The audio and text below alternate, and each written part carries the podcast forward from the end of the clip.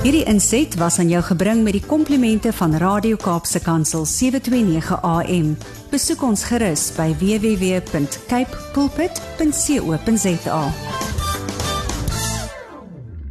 Goeiedag en baie welkom by die program Markplek Ambassadeurs, die program van CBC Suid-Afrika hier op hier kanaal van Radio Kaapse Kansel. Ek is Harm Engelbrecht en dit is vir my weer 'n voorreg om vandag met julle te gesels oor leierskap uh, uit die Bybel uit. Ehm um, ja, soms lees ons en soms leer ons goeie lesse en soms sien ons ook foute wat leiers in die Bybel gemaak het en dat hulle baie keer tot 'n val kom en dat dinge nie so so goed gaan met hulle dan daarna nie. Maar um, ons is besig met Dawid en uh, ons het nou gekom verlede week tot by hoofstuk 10 en van 2 Samuel en en Dawid wat al hierdie oorwinnings behaal het en uh, en mense wat hom vereer het en hoe hy die die ark teruggebring het Jerusalem toe en hoe hy homself daar gevestig het. Maar natuurlik Dawid was nou 'n baie magtige man. Hy het oorwinnings behaal. Mense het hom vereer en na hom opgesien as hulle leier. En ehm um, toe kom maar 'n fout. En en hoofstuk 11 en 12 van 2 Samuel. Die Engelse praat van 'n pivot point. Dit is so half die die die fase in Dawid se se se se koningskap en sy heerskappy en in sy lewe wat totaal sy ja, sy rigting en en en so 'n bietjie verander het en ja, Dawid se se koningskap het so half so bietjie tot 'n tot 'n tot 'n tot 'n halt gekom en is of hy nie so meer so baie suksesse bereik het na hierdie twee hoofstukke nie. Maar kom ons kyk gou wat het gebeur. Julle ken die storie van Dawid en en Batsheba en hoe hy dit wat hy gedoen het probeer toesmeer het deur net nog verder 'n um, bietjie droog te maak as ek dit nou sommer so kan noem.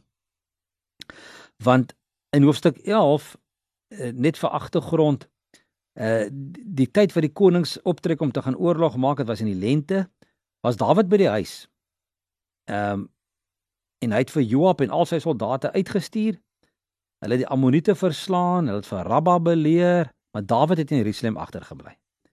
En eendag na sy middagslaap hy staan hy op en hy stap op die dak van sy paleis rond en van die dak af sien hy 'n ander vrou besig om te bad.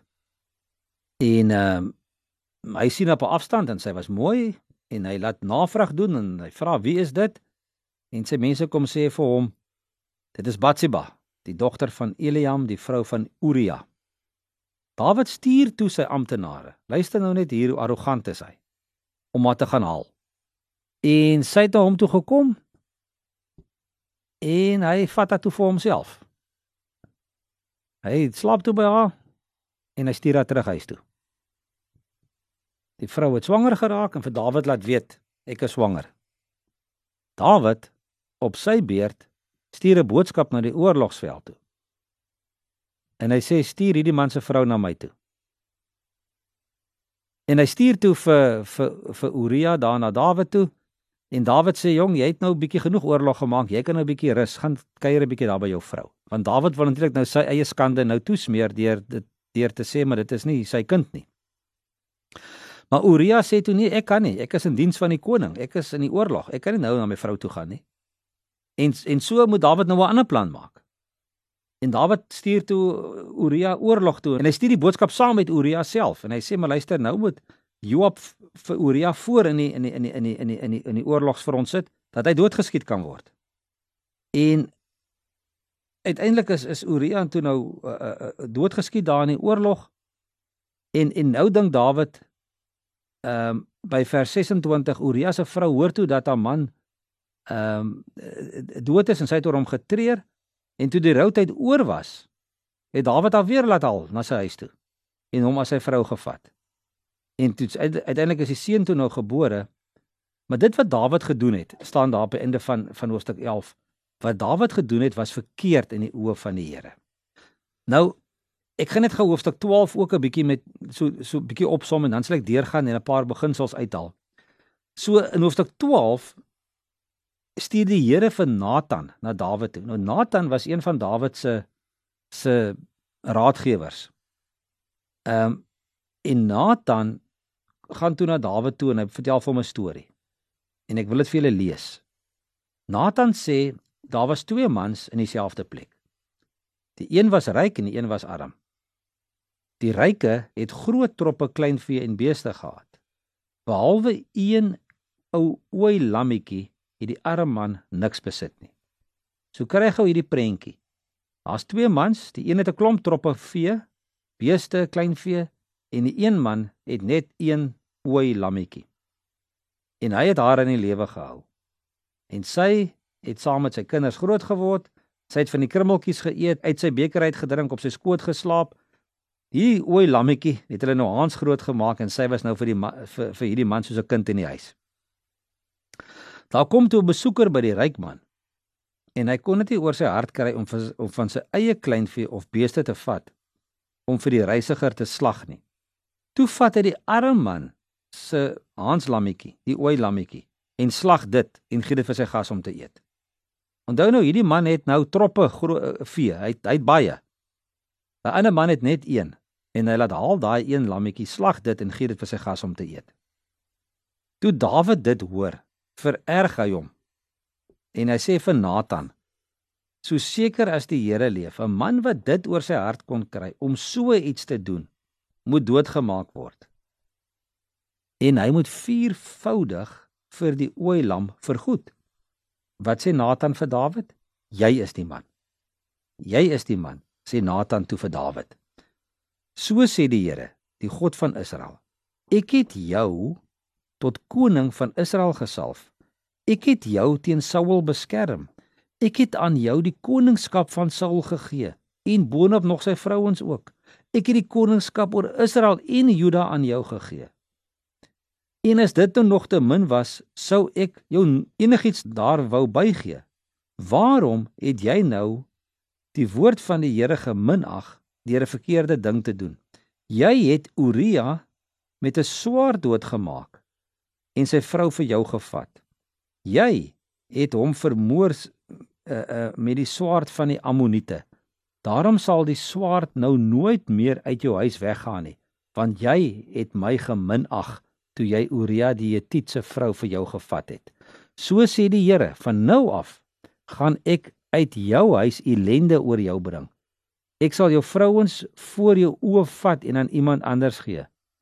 Hy sal by jou vrouens slaap oop en bloot want jy het 'n ding in die geheim gedoen maar ek sal alles oop en bloot voor die hele Israel doen.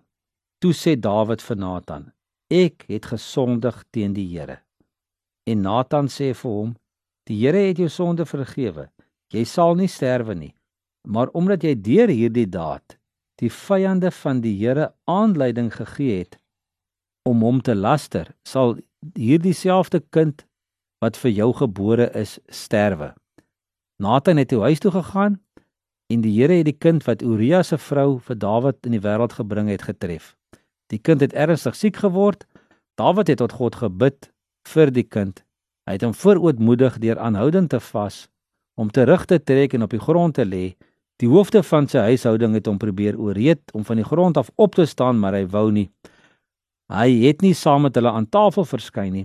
Op die sewende dag het die kind gesterf en Dawid se amptenare was bang om hom te vertel dat die kind dood is.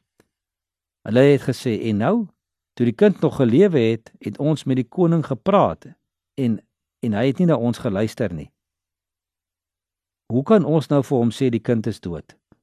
Hy sal 'n onbesonde ding gaan aanvang. Dawid het agtergekom dat die amptenare onder mekaar fluister en hy het afgelei dat die dat die kind dood is. Hy vra toe as die kind dood en toe het Dawid van die grond af opgestaan. Hy het gaan was, reukolie aangesmeer, aangetrek en na die heiligdom toe gegaan om te aanbid. Hierna is hy na die huis uh huis toe en hy het kos gevra om 'n ete voorgesit en hy het geëet. Ja, sy amptenare vra hom toe, "Wat doen u nou? Toe die kind nog gelewe het, het u gevas en gehuil. Nou is die kind dood. Nou staan jy op en jy eet." En aan Dawid antwoord: Terwyl die kind nog gelewe het, het ek gevas en gehuil want ek het gedink, wie weet, dalk is die Here my genadig en dan sal die kind lewe. Maar nou is hy dood. Waarom moet ek nog vas? kan ek hom laat terugkom na my toe? Ek gaan na hom toe. Hy kan nie na my toe terugkom nie. Ehm um, daarna Dawid vir Batsheba getroos en ehm um, ja.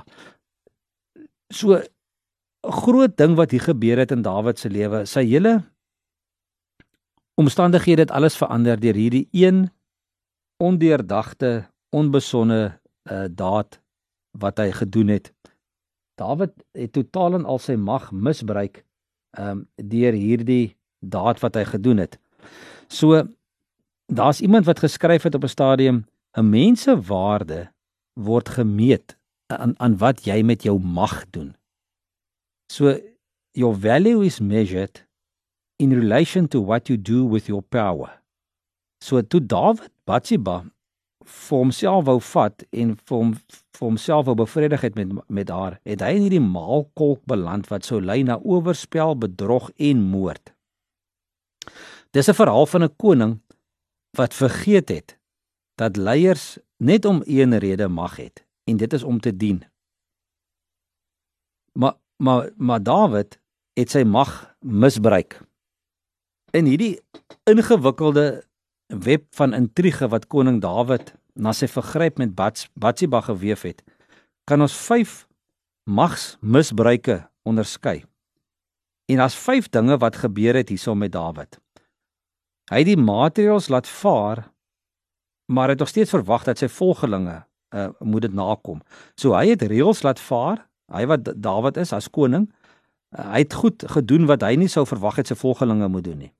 Die tweede ding is ehm um, hy het gedink ander is verplig om hulle volkome tot beskikking van hom te stel. Omdat hy die koning is, kan hy hulle gebruik en kon hy die vrou vir hom vat.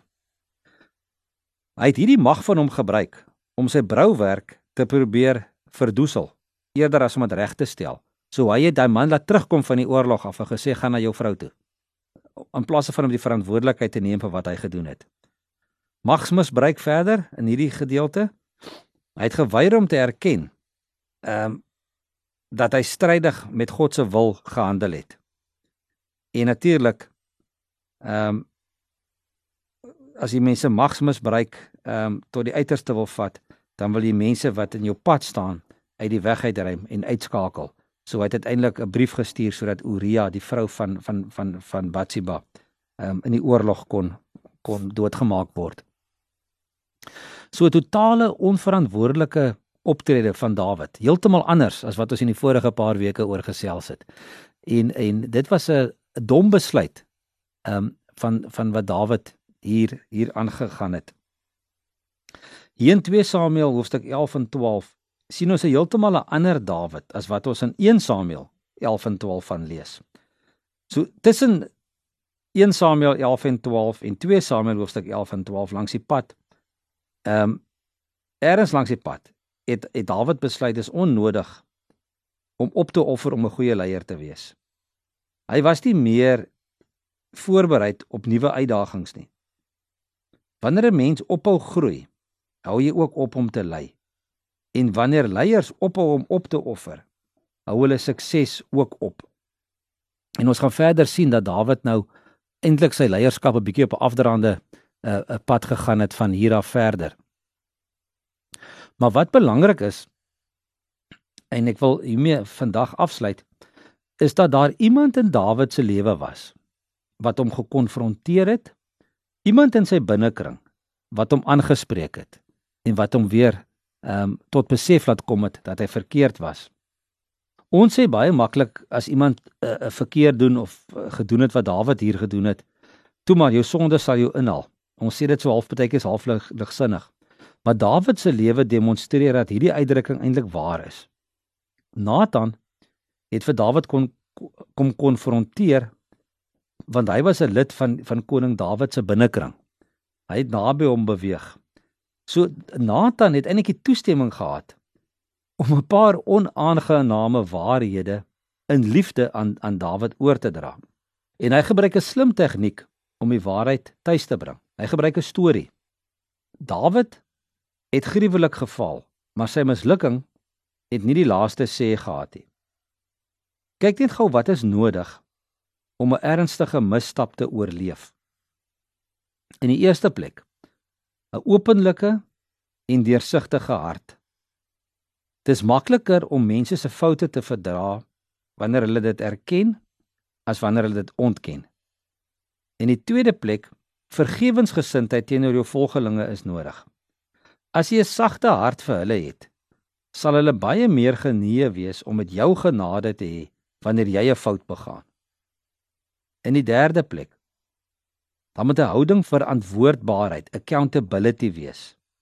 Leiers wat aanspreeklikheid vir hul eie dade aanvaar, hou langer en vaar beter as ander leiers wat dit nie doen nie.